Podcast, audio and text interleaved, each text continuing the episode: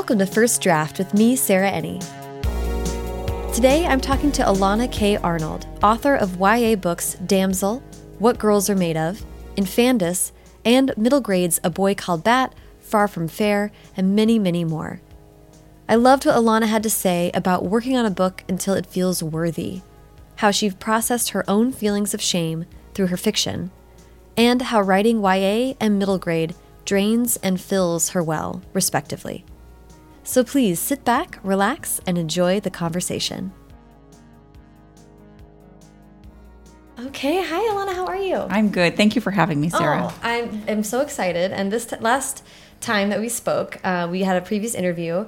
We were at your house hanging out with your pets. That's true. And today we're at my apartment, and my cat is like gnawing on your arm right now. It's a sign of love. He's very playful right now.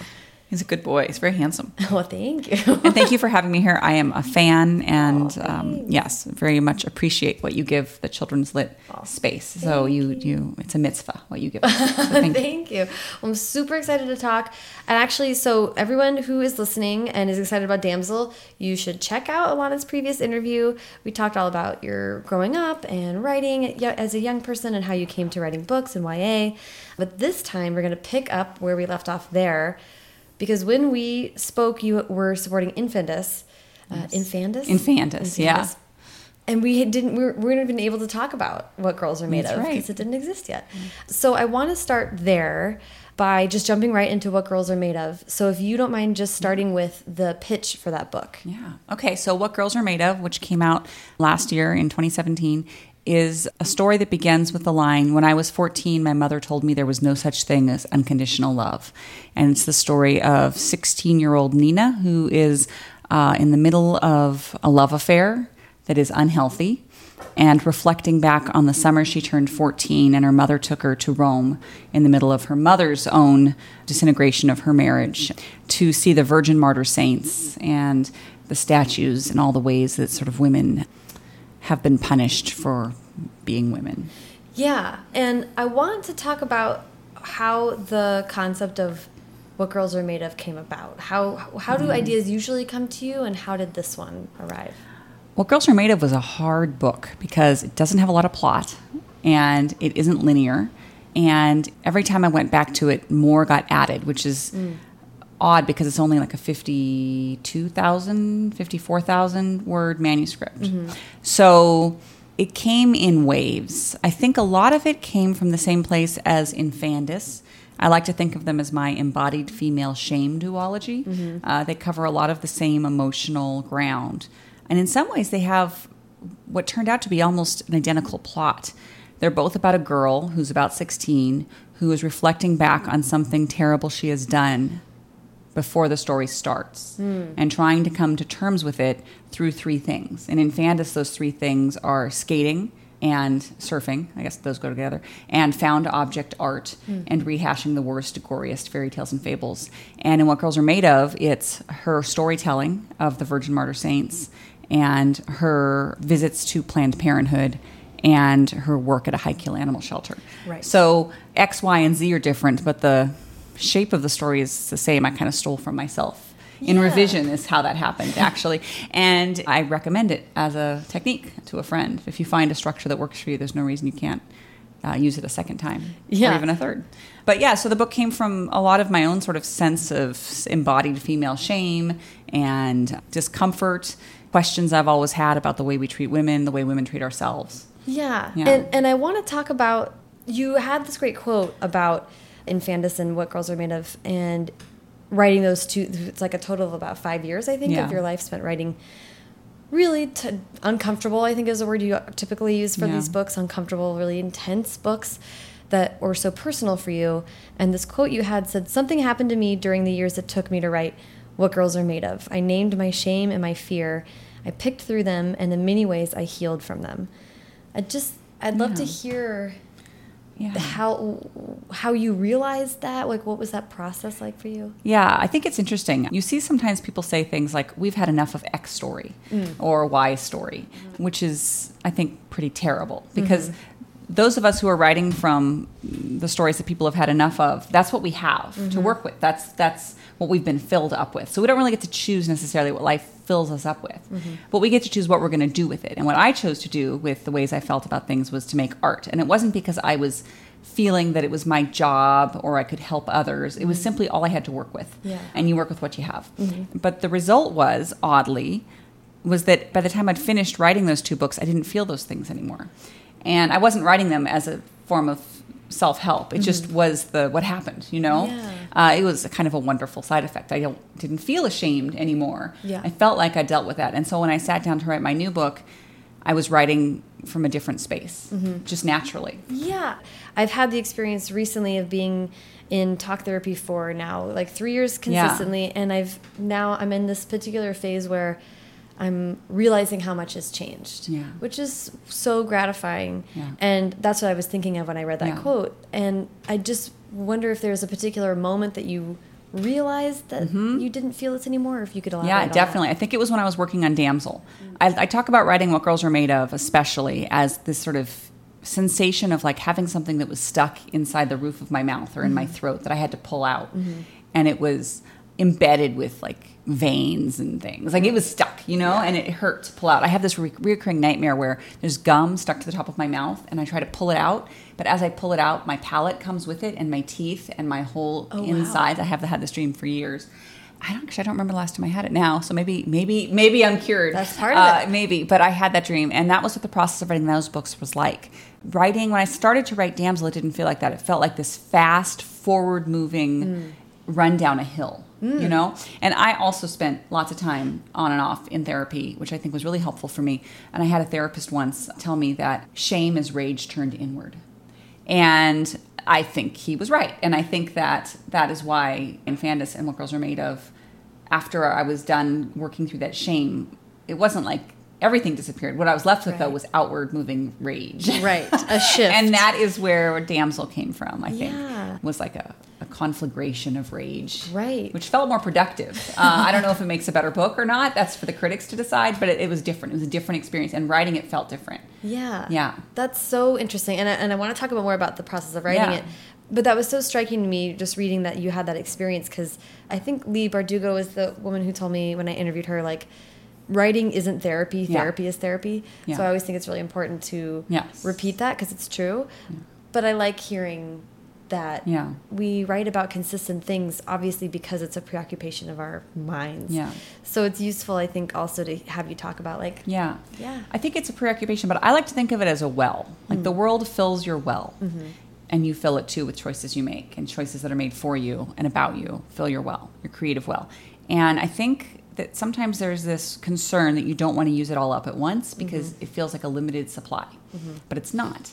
What's fabulous is that if you put everything you have into the exact thing you're working on and you empty the well, what you find is that there's this underground river beneath your well mm -hmm. that refills it with something related to but different from that you could not have accessed if you hadn't emptied the well. Mm-hmm. And for me, what happened was I drank the murky, polluted water of shame yeah. and the well was refilled with this clean crystally rage yeah. and so it was a it was still me mm-hmm. and it was still my you know issues and makeup but it yeah. was it was from a different perspective yeah. so that's my best writing advice i think some well i got i've got lots of advice but one of my i think most solid pieces of advice is not to save anything for next time. Yes. Yeah. People say that all the time or have that yeah. have that impulse. Yeah, but I think yeah. you're so right. Like trust yourself. Yeah. You're still a human being who's yeah. going to have things to say no matter what. Yeah, we contain multitudes. Yes. Yeah.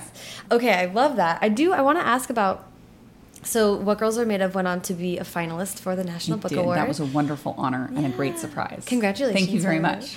So, I, I just from a practical standpoint, I'd like to hear about that process. Yeah. Um, how did you hear about it? What were the steps after that? Yeah. All that good stuff. Well, that was thrilling. I didn't even know that the day that the National Book Award long list was announced was that day. I didn't even think about my, my book as being on that list. I'm I'm a very much put my blinders on and write the next book person.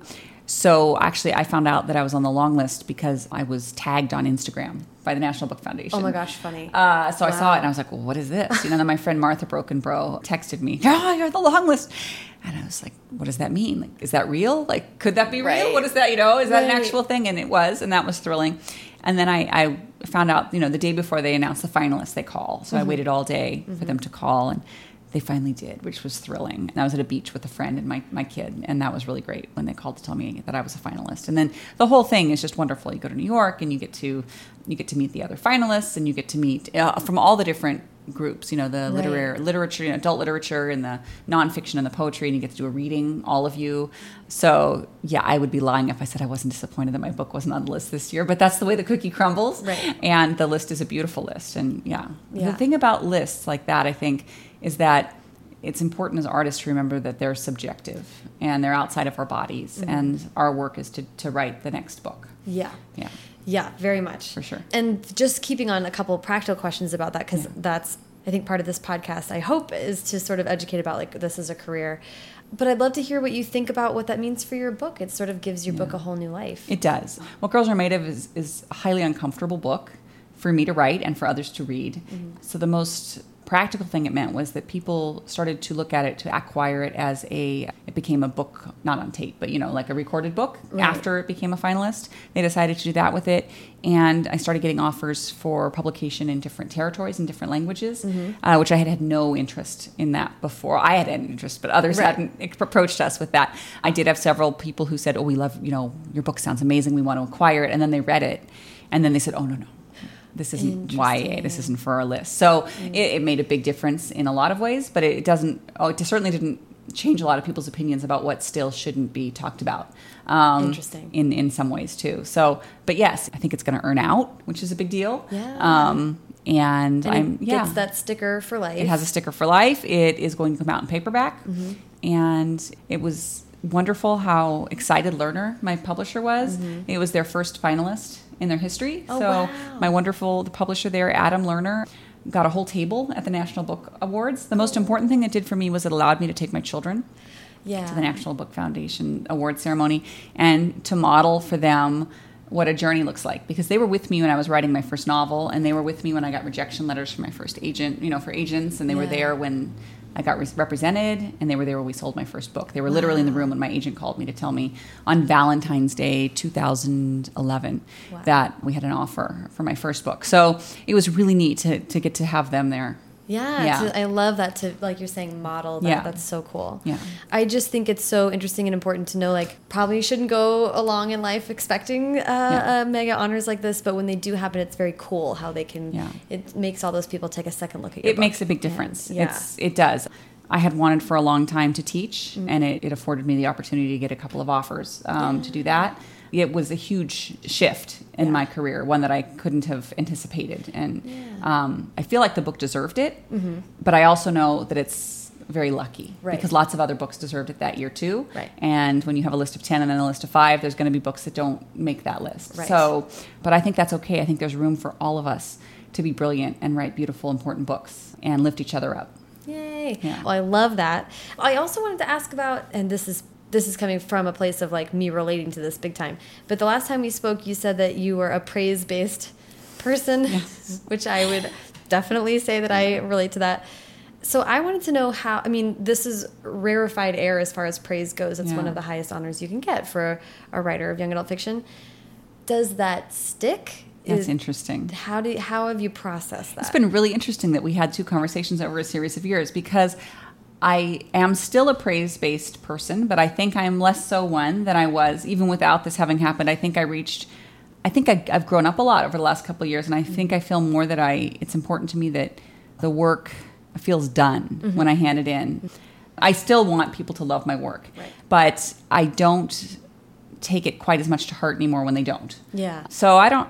Yes, it does stick yeah. I, because I believed it. I believed the book was worthy. You know, if I had felt that it was not a good book, then maybe it wouldn't have mattered. But you know, it, val- it was validating. It's like I knew it was a good book, and it's really validating to hear that other people did too. And to be in the point where where when your book receives praise, you believe in it enough yeah. that you can see that that's deserved. Yeah. That's the most important. It part. is. It's really it is uniquely gratifying to read, you know, a review or criticism of your book that reads your book the way you hoped it would be written. Yeah, that is a special uh, moment yeah. when a reader not only got it but then takes the time to translate what they got and reflect it back at you. Yeah, that's so cool. Yeah. Okay, awesome. I love that. And I want to, you've already kind of teed up Damsel and how that sort of maybe yeah. is a bit of a natural shift from yeah. what girls are. But before we get too much into Damsels, do you mind pitching it for us? Okay, so Damsel is. Uh, about a world in which, in order to become king, the prince must single handedly conquer a dragon and rescue a damsel. That is the way it has always been. That's what his father did and his father's father before him. And so the beginning of the story finds Prince Emery of Harding off to do his duty. And the second section of the book begins when the damsel wakes naked in his arms and with no memory. Mm-hmm. And when she asks, Who am I? Where am I? He basically tells her, Maybe don't ask too many questions. You're good. You're the damsel. Now I'll be king. Thank you very much. And we're going home to Harding. Mm-hmm. And basically sit there and look pretty, and uh, everything will be okay. Right. And takes her home to Harding, where she begins to do the most dangerous thing a woman can do in her situation, which is to ask questions, and things unravel from there. I've seen several people talk about it as a horror novel. Uh, I think it is definitely a horrific novel. Mm. Um, it is an uncomfortable, mm-hmm. I think, kind of ugly, beautiful thing. Yeah. yeah. And you just talked about how writing this coming from a place of crystal rage. Yes. um, uh, instead of the shame, what was the physical process of writing the book like? How was yeah. it different? Uh, for one thing, it had a plot, which was a nice shift for me. Mm -hmm. It very much was about what happened. Mm. Uh, my other YA novels, to various degrees, have not been about that, mm-hmm. especially mm -hmm. in Fandus and What Girls Are Made Of. Those started with voice and character. This one it's about it doesn't matter who she is she's the damsel mm -hmm. what who you know what she is matters mm -hmm. and so who she was didn't matter at all when i started the book uh, mm -hmm. what happened to her is what mattered so it was very clear to me from the beginning where the story would go and i also knew that i wanted to structure it in a very specific way so it has seven sections of seven chapters per section seven is a magic number and it seemed right mm-hmm. and that gave the book a really great frame I knew then that where the story needed to ramp up and I knew where the story needed to wrap up. And so having that external structure, it's a creative constraint that I chose that was incredibly helpful. That's another great, I think, piece of advice. Yeah. Figure out a structure and the structure should talk with the story. So mm. in this case, the structure worked because it, sevens are magical and it's a fairy tale and things happen in sevens. Also, each chapter is a possessive phrase like Emery's or the, the prince's belt. That's the name of one of the sections. Mm. So each one has a name of somebody mm-hmm. followed by a thing. Oh, um, so that that structure was really fun for me to play with too. Cool. Because the book is about possession and ownership. Uh, the other thing that strikes me when you say that that it came with a plot, to what degree do you think that was inherent in choosing mythology and yeah. fairy tales because they sort of are the most sort of right when we think of fairy tales, we have plots that just kind of fill themselves yeah. out in some ways. Yeah, that's for sure true. For one thing, this book deals with we, something we already all have. We all have a damsel in our head. We have a dragon. We have a prince. Mm-hmm. We have a kingdom. And so in those ways, those sort of archetypal structures were built. Mm-hmm. And so I could just say the word and evoke things from the reader that we all had sort of a cultural understanding of that mm-hmm. was close enough to one mm-hmm. another's. Uh, so that was helpful. The other thing was I knew this was going to be a book with a dragon mm-hmm. and it was going to be with a damsel, and therefore it was going to be in a fairy tale fantasy world, yeah. medieval esque world, which solved a lot of problems for me as far as setting. Those things were so it wasn't that I sat down and said, I want to write a fairy tale, I want to write a fantasy novel, what will I write about? Mm-hmm. It was, oh, I'm going to write this book about this damsel and this dragon. And then therefore, okay, I'm writing I'm writing this this thing. I'm mm-hmm. writing a fairy tale fantasy novel because that's what it is. Yeah.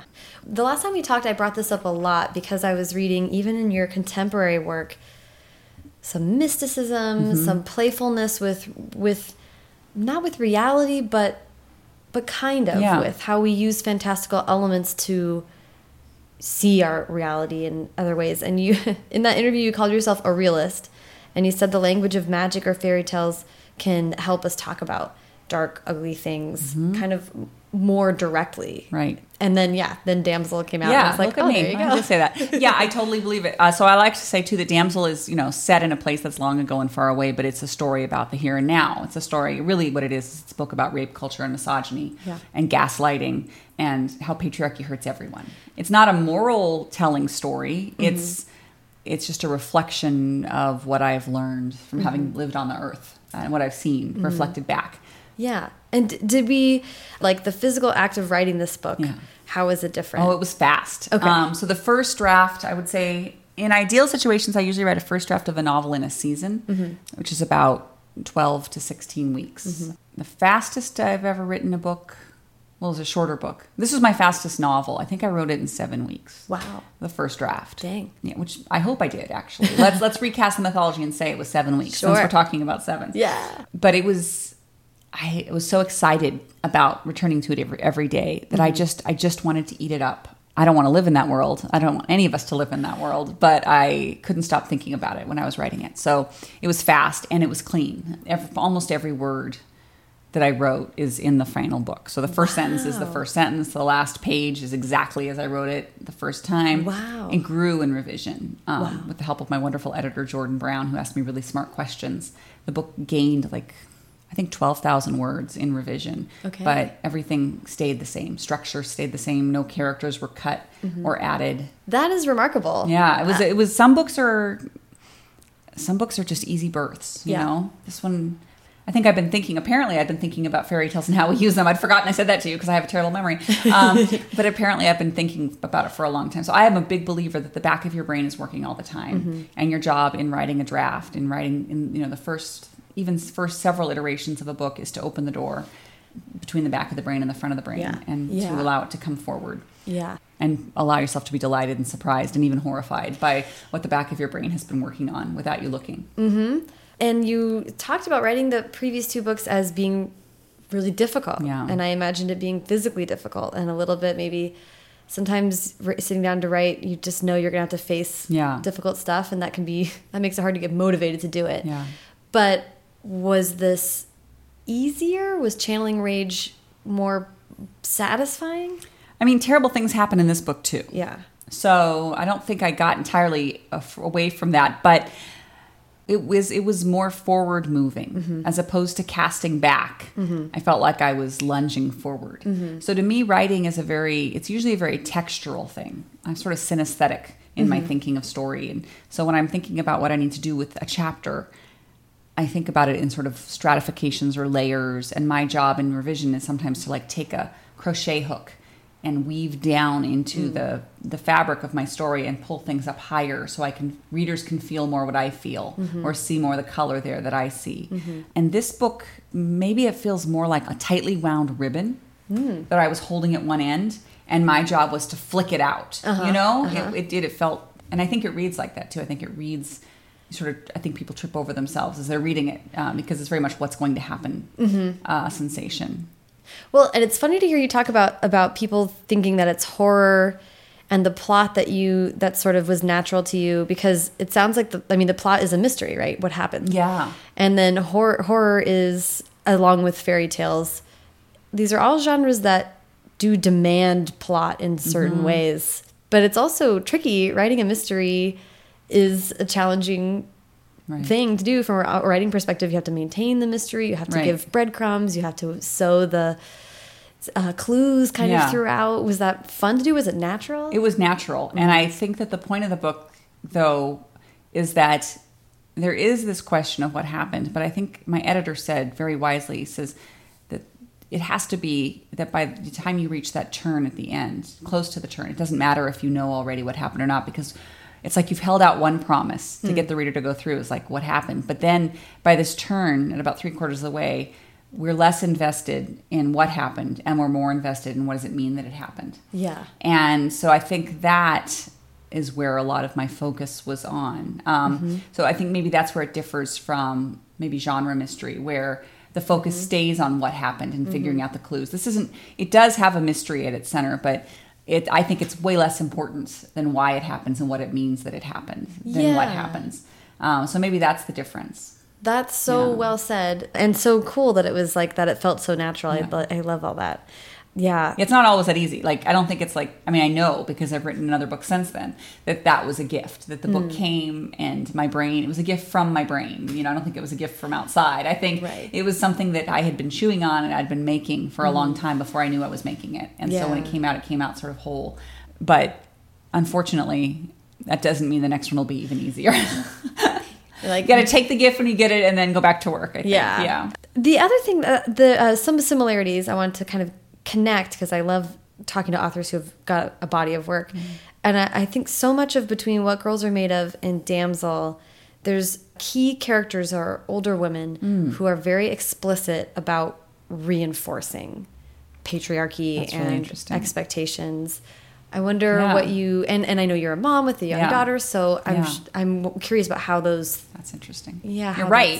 Uh, and I actually I just saw a, a Goodreads review written by a man about Damsel who said it's really good, but not all men are Emery. You know, it's like hashtag not all men. You know, Oh my God. It's like well, what's interesting is that he missed the point was that it wasn't like the men were all bad and the women were all good. Like Right. almost everyone in that book is dangerous. Mm-hmm. And you know, I guess if there is like a moral of the story, it's that misogyny and patriarchy hurt everyone. You know, the Mm-hmm. men are not allowed a full experience of, of their masculinity or Mm-hmm. their their softness. Uh, the women in in that book and in lots of real life situations uh, support and uphold. I mean, look at look at the last election. You know, uh, white women upheld and supported a system that oppresses women. Yeah. blows my mind. You know, but it happens every day. You know, you, just because you are a woman doesn't mean that you're not also a supporter of patriarchy and misogyny. Yeah. So yes, I, I think yeah, it takes it takes a village to keep patriarchy alive Yeah.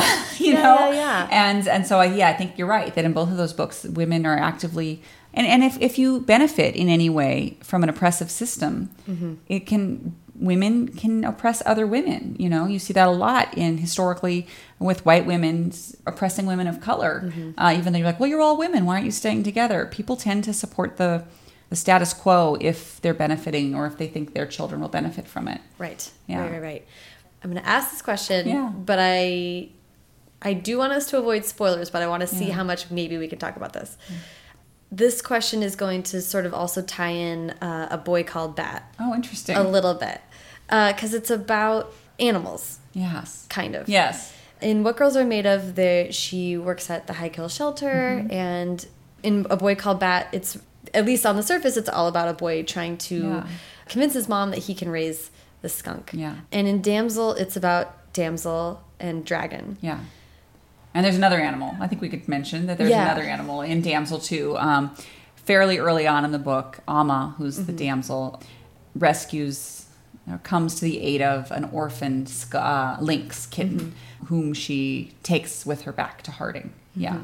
And as animals do, this animal works symbolically and metaphorically um, as sort of a, a foil for what she's going through as well.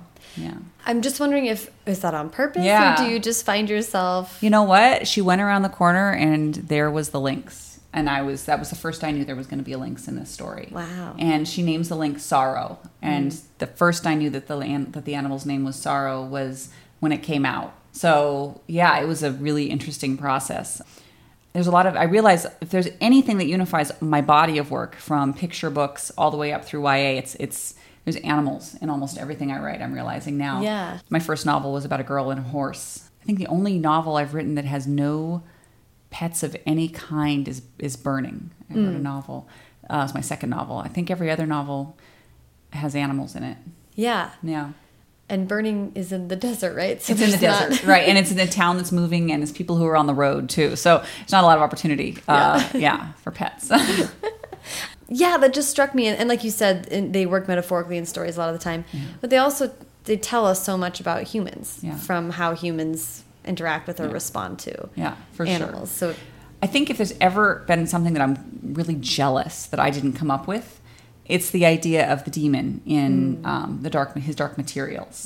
Um, I read that and I was like, oh, I wish that had been my idea. that is such a great idea. The sort of animal familiar that is basically the soul outside the body. Yeah. Um, because that's what animals are to me. You know, they're an extension of myself, my Yeah. pets, and um, the animals that I've interacted with in my life. So, yeah, I was. That is a. oh, that should have been me. I should have. and it was actually before I was even actively writing. It might have been the book that that pro- propelled me back to writing. Yeah. yeah that you were like well i can't let this happen Right. again i gotta get to it that's so funny Yeah. i'm just wondering if there's a way to talk about the dragon Yeah. without spoiling anything Yeah. because dragons are so evocative Yeah. and that to me is like the thing that I was like, ooh, Yeah. I I love I love seeing dragons in in different ways like that. I mean, we see dragons and women paired together like in Game of Thrones now, right? Mm-hmm. Like and so in popular culture I think it's becoming this hugely meaningful, satisfying pairing Mm-hmm. to see women and dragons sort of team up. Yeah, it is a switch from the way we've traditionally seen dragons. Yeah. Um, which is it's on the, it's interesting because a dragon traditionally on the one hand is the nemesis of the damsel, the taker of the damsel. And the dragon though is ultimately it's it's female. In I mean it's a collector of jewels. And it's jealous. Mm-hmm. It has sort of it's I think it's sort of a cultural receptacle of the things that we fear or dislike about women. Greed and people don't like greedy women. Solidarity mm-hmm. uh, doing something for oneself versus for the good of community seems very unfeminine to us and not you know coldness being a reptile Yep. any sort of facial you know wrinkle or blemish i think that dragons are are fears of what women can be like if they're not of service if they're powerful, if they're powerful right? Yeah. Like flying women. yeah yeah It's a fire spewing women Yeah. women who take what they want and keep it Yeah, you for themselves, like you're saying, yeah. yeah. as opposed to in service of community or children Mm-hmm. um, or partner yeah So I guess I just was excited that Yeah, that was a part yeah. of the book, and and I was excited to write a dragon. Yeah. Yeah. I was a big fan of Game of Thrones. Mm-hmm. Uh, I haven't read the books. I have no interest in reading the books. I love the show. I came to it from the show first and I love the dragons. I love the eggs. I love the fire. I love I just loved it. And so I wanted to do that. yeah, Yeah. that's so cool. Because uh, you have quote, been quoted as saying that the idea began with a dragon, It did. and It the- dragon first. yeah, which is so cool. yeah. And I I think that's what I'm responding to is that I also feel like, ooh, there's so much there. There is. Yeah, my Um, friend Martha Brockenbrough, whose new book coming out is Unpresidented, which I'm really excited about, was the one who suggested that I should center a dragon. And I was actually, she and I had gone away to write for a few days, and I was going to work on something completely different. I don't even remember what it was now. But she sort of challenged me to center a dragon, and I'd been thinking about things already. And I sat down, and that first weekend, we were together for four days. I wrote, I think, 20,000 words. Wow. Um, yeah, it's like the first two and a half or three sections of the book. Wow. Yeah. So yeah, it really did It really arrive fully arrived- cooked. Arrived very quickly. Yeah. That is so cool. Okay, let's talk about a boy called Bat a little bit, and then I want to talk about writing middle grade and YA concurrently, which is so interesting. So, so before we get into it, do you mind pitching the? Oh, I would be happy to. So, a boy called Bat. I think probably if I'm remembered for anything, it'll be a boy called Bat, uh, which is a sweet, tender, open-hearted story of a little boy named Bixby Alexander Tam, goes by Bat for short, uh, who loves animals and who's on the autism spectrum, and whose veterinarian mother brings home an orphan skunk kit that he becomes determined to keep and care for. And it's a series of three books. The first one is uh, A Boy Called Bat, which is out and was chosen this year as a global read aloud selection. So kids are reading it and writing me questions every day. Um, and the sequel is called Bat and the Waiting Game, also out now. And then the third book will be out in March of 2019, and it's called Bat and the End of Everything. amazing. Yeah, and I love I love him. Um, yeah. Yeah, was he? And I, I uh, read a couple places, sort of an inference that maybe this could be a long-term series, like a Ramona Quimby type of. My first hope when I first came up with the idea was that it would have nine books. So Mm-hmm. I'm I like magical numbers, and three is magical, and three threes seemed magical to me. Right. And I think Ramona might have had nine. Yeah. as well. So I saw the first arc of three books being about Bat and Thor, who is Mm-hmm. the skunk kid, and what happens with their relationship as sort of the over arc between the first three books, with of course minor arcs within each of the first three books. And I very happily got to resolve that arc of the story in Bat and the End of Everything. I would love to write more Bat books. Um, right now, I'm working on other things, but Mm-hmm. Okay. It's out there. I, it's always a possibility. He's he's really is he's very dear to me. Yeah. Yeah. Well, I loved. I mean, you talked about this a little bit in our last conversation, so I don't want to overlap too much. But, but you've been so vocal about loving middle grade. Yeah. What do you think you get from writing that age group mm. that is less achievable in other age groups? it just seems so forever to mm. me. I think there is something magical about childhood, and things are so big at that age. And it's not that kids are wrong and that they're not really big and the kids just don't know it yet. It's that things really are that big, you mm-hmm. know? And so being able to focus on the on the things that might seem small from an adult perspective, but I think I have I continue to keep alive in myself a, a memory, a sense memory of what that feels like mm-hmm. to have small things be so meaningful. And I think too, I think maybe that's just part of who I am, is I'm mm-hmm. very much aware constantly of each moment as a pleasure and, and, and, a gift from the universe just to be alive. Yeah. Uh, and I think you, the middle grade books uh, give me a space to really focus on on that sort of in the momentness in a way that I don't know. It just feels universal. Like I feel like maybe I won't always write YA. Mm-hmm. I love it, but I don't know how many of those stories I have. But I, I think I'll always write middle grade. Wow. Yeah. That's so interesting. Yeah. And and last time you said that the process of writing YA was uncomfortable, like yeah. not entirely pleasant. Sure, that's and continued to be true. How, yeah. What what is the process like of writing yeah. a middle grade book? I think it's more um, soul filling. Mm -hmm. I mm-hmm. guess you know I kind of do like to do them both together because I think writing about the teenage experience drains me in some ways, mm -hmm. and I think writing about children fills me up. Mm. So I think it, for me it works well to do them together. I was just away again writing for a while, which is an incredible privilege and pleasure. And a lot of things have to happen for me to leave my house. Mm-hmm. I have a mm-hmm. number of animals, two kids at home, with busy schedules who are you know who don't attend a regular school. Mm-hmm. so i have to have reinforcements. You know my husband who also works from home has to clear his schedule and my mother-in-law has to come help and mm-hmm. various friends have to drive my kids various places. So it's a big deal. So when i go away i get a lot of work done because mm-hmm. of guilt. Yeah right. Because i know like what's happening to allow me this time. So i get a lot of work done. So i was recently gone and i wrote every morning on a new middle grade book and every afternoon on a new ya book and I really like doing that. Mm. Um, and I wrote 2,000 words a morning on the middle grade and 2,000 words an afternoon on the YA. Wow. And it really felt like such a good balance mm-hmm. um, to me to be able to to refill in the morning and then and then sort of wear myself Drain. out in the afternoon. yes, but then you know there's wine in the right. evening, so right, it made right, for a very nice balance for me. I really I do love writing middle grade. It feels it feels softer. Yeah, and like uh, harkening back to that animal question, yeah. I mean animals are used in your YA in fierce ways oh, or in in their they're used yeah. for better or worse. Yeah. and in bat it's like all just how can i take care of this thing? That's really interesting. Uh, i don't know. That's i think you're absolutely right. I'm thinking about my other ya animals and there is there's a lot of well the animal standing in i think for female bodies a lot in my right. ya and mm -hmm. the ways that the costs of being in a, in a female body and the danger. Animals are so tender, you know, they're at our mercy all the time. And I think that was my experience growing up as a young woman was feeling exposed mm-hmm. and I didn't own myself mm-hmm. and bad things could happen at any moment. And I think, yeah, that that's what I explore over and over again mm-hmm. in my young adult work through animals' bodies. Yeah. But yeah, the other part of having an animal is getting to be the caregiver of it and there is something when you're a kid about taking care of an animal. It's the first time you really are in charge of something. Maybe you're even taking better care of its body than you are of your own, you know? And that awakening to the maybe even some of the power of like, yes, I do have like, you know, this animal depends on me. Yeah. This can be a really wonderful.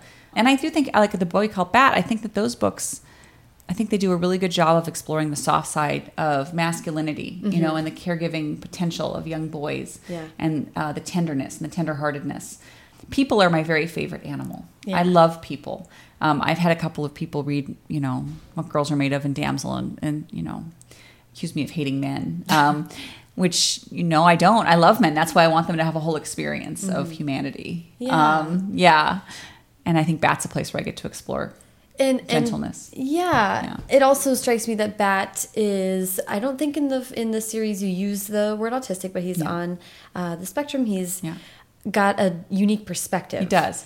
So the first book, uh, uh, the flap copy, identifies Bat as on the autism spectrum, and the second book, Bat, one of Bat's sister's friends, asks if Bat is autistic, and mm -hmm. she mm-hmm. says yes, and talks, and the little girl says, "Oh, you know, I have a." you know, family member too who's on the spectrum. So mm -hmm. it becomes part of the sort of, I guess, canon of the book in the second in Got the second book. Okay. Yeah. But that also did strike me as a as a way to talking about expressing the full humanity of especially yeah. a young boy, right? Yeah. When they are we limit their vocabulary. Society limits their vocabulary so yeah. early on that he is sort of like well, why wouldn't I? You know, he's Yeah. uh, able to be very matter of fact about being a human person, Right. And it's just it struck me or struck me as an interesting way to be like, oh, it's so plain on its face that we're all human Yeah. beings, but it takes this layers and layers of stuff we put Yeah. on ourselves, Yeah. breaking that away. and on my own little life, which is very cloistered in a lot of ways, I've you know surrounded myself with a community and a family who's very like-minded. I feel like oh, we must be past that now. Mm. But then I was just in New York, which is another like bastion of liberal you know mm-hmm. thinking. I was at a Barnes and Noble, it's a bookstore. And there was a woman who was working at the Barnes and Noble, and I heard her little boy picked up a toy, and it was pink. And she told him, "Oh, you don't want that. That's pink. That's for girls." I was like, "What year are we in? How are we still?" And of course, I stepped right in, and I said, "No, no, no. Colors are for everyone, Yeah. and books are for everyone." Because you know, shortly after that, he picked up a book that had you know girl character, and she, the same woman who worked at the store, told him that he didn't want that book because It was an employee was an of the employee of the store? Yes. Oh, and brother. I was absolutely flabbergasted that that is still happening. So she got to listen to me tell her all about how books are for people and colors are for people and Yeah. boys are people too. Good so for you. yeah, and the little boy heard me and his mother heard me too and Good for so- you. But it's shocking. I mean, I continue to be shocked, you know, Yeah. that this really this is still what we're saying to children. yeah. And then we wonder why they grow up with a limited. And some boys grow up with a limited ability to access access their emotions. To empathize. Yeah. Yeah. or to see things from a female's perspective when they've been told all their life that it doesn't matter and they don't need to. yeah. That's not for you. Yeah, Ah, oh my gosh. Well, and that is reminding me. I read a quote uh, in one of the interviews that you gave about considering scenarios and what you would do in scenarios. Yeah.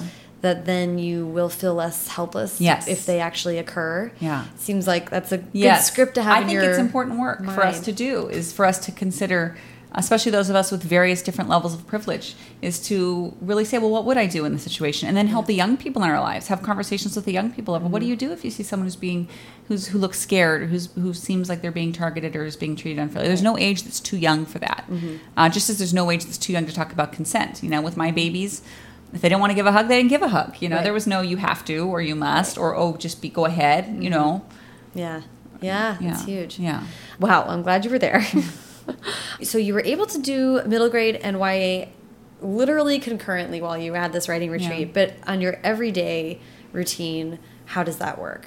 I wish I had an everyday routine, I guess. Um, it sort of works sometimes really well, and I get to work on both projects, and some days I don't get to write anything, and, and some days there's one or the other. Mm-hmm. But I do think that each is like a palate cleanser for the other, mm-hmm. and that it's not that one is easy and one is hard, it's just simply that they use different muscles. It's like if you're at the gym and you're just doing arms all day, Yeah. that's no good. So you do arms, and then I mean, I say you because I don't, but one does arms, and then while the arms are re- recuperating, one does a leg activity, and therefore you continue to work without exhausting the same muscle. Right. So for me, that's how writing in different areas Feels. feels. Yeah. Yeah.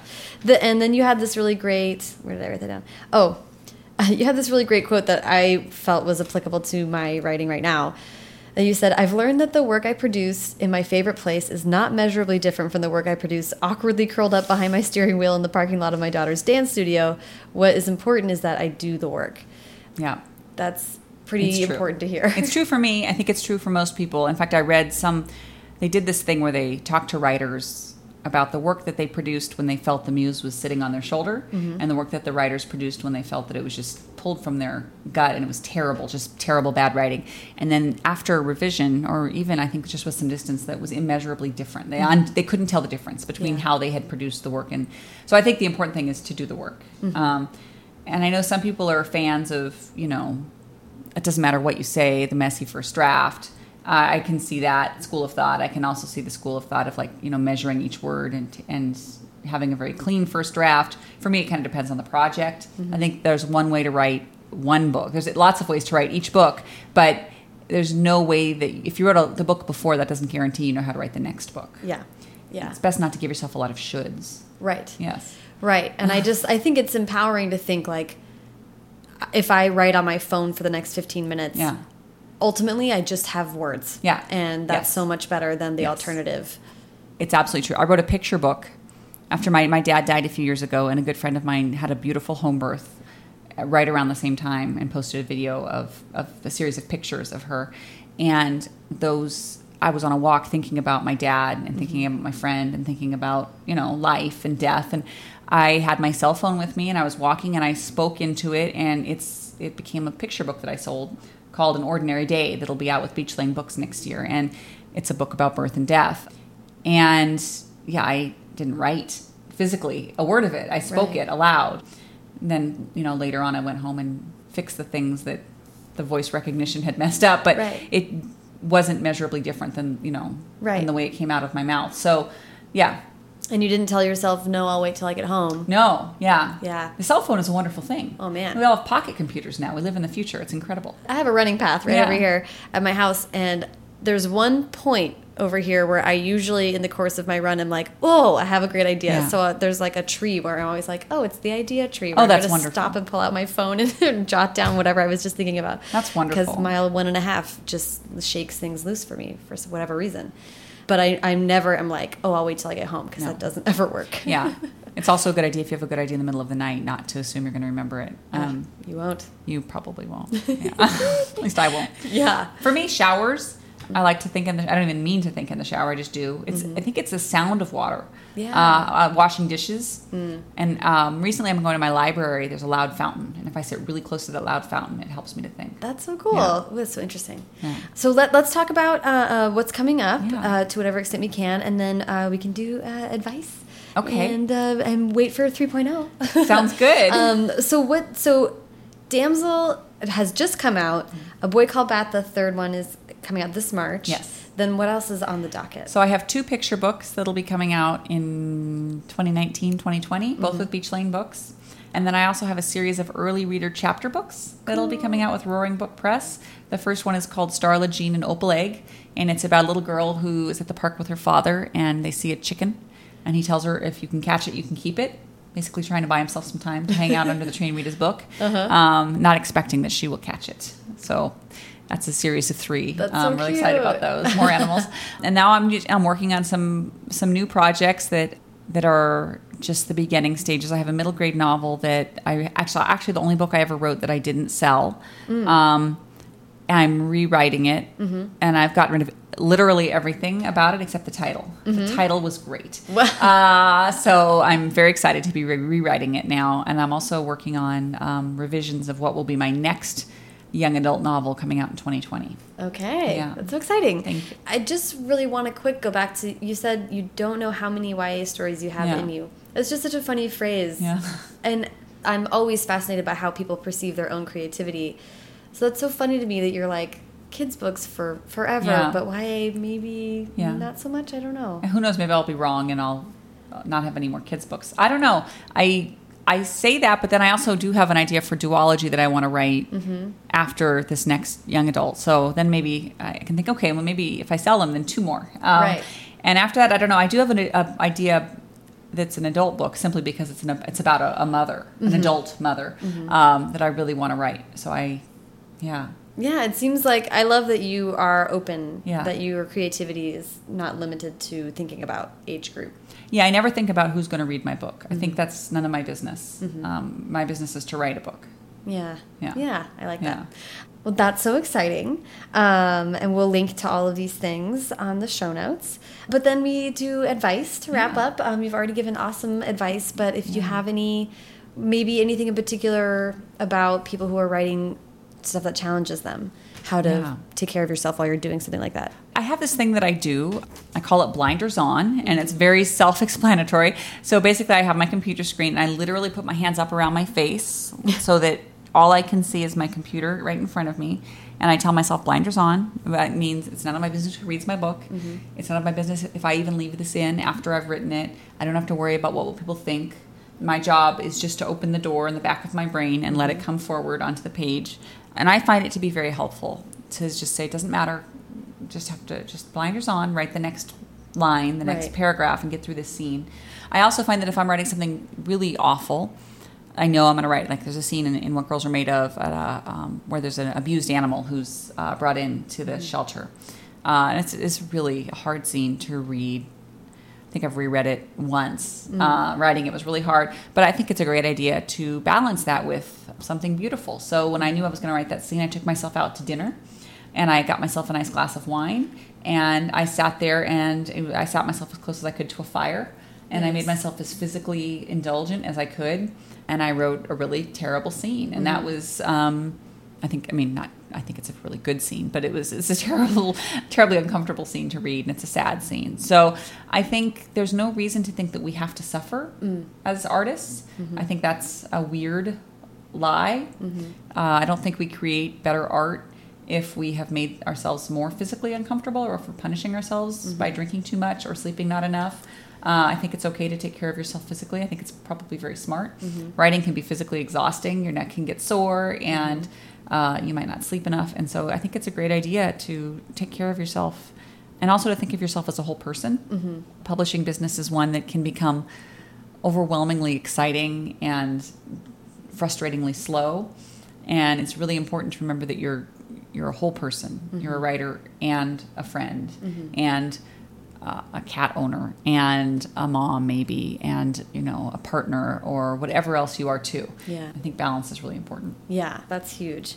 Well, thank you so much, Elana. This has been so lovely. Sarah, I am such a fan of yours and your thoughtful questions. Thank, thank you very much for having me. And your cat is adorable. Oh, thank you. He was so excited to be here today. Thank you so much to Elana. Follow her on Twitter and Instagram at Elana K. Arnold, and follow me on both at Sarah Enni and the show at First Draft Pod. There are links to everything Elana and I talked about in this episode in the show notes. To find the show notes, go to firstdraftpod.com, scroll down a bit, you'll see the link to Elana's episode. Voila! All the links your heart can desire. Also, while you're at the website, you can sign up for my newsletter.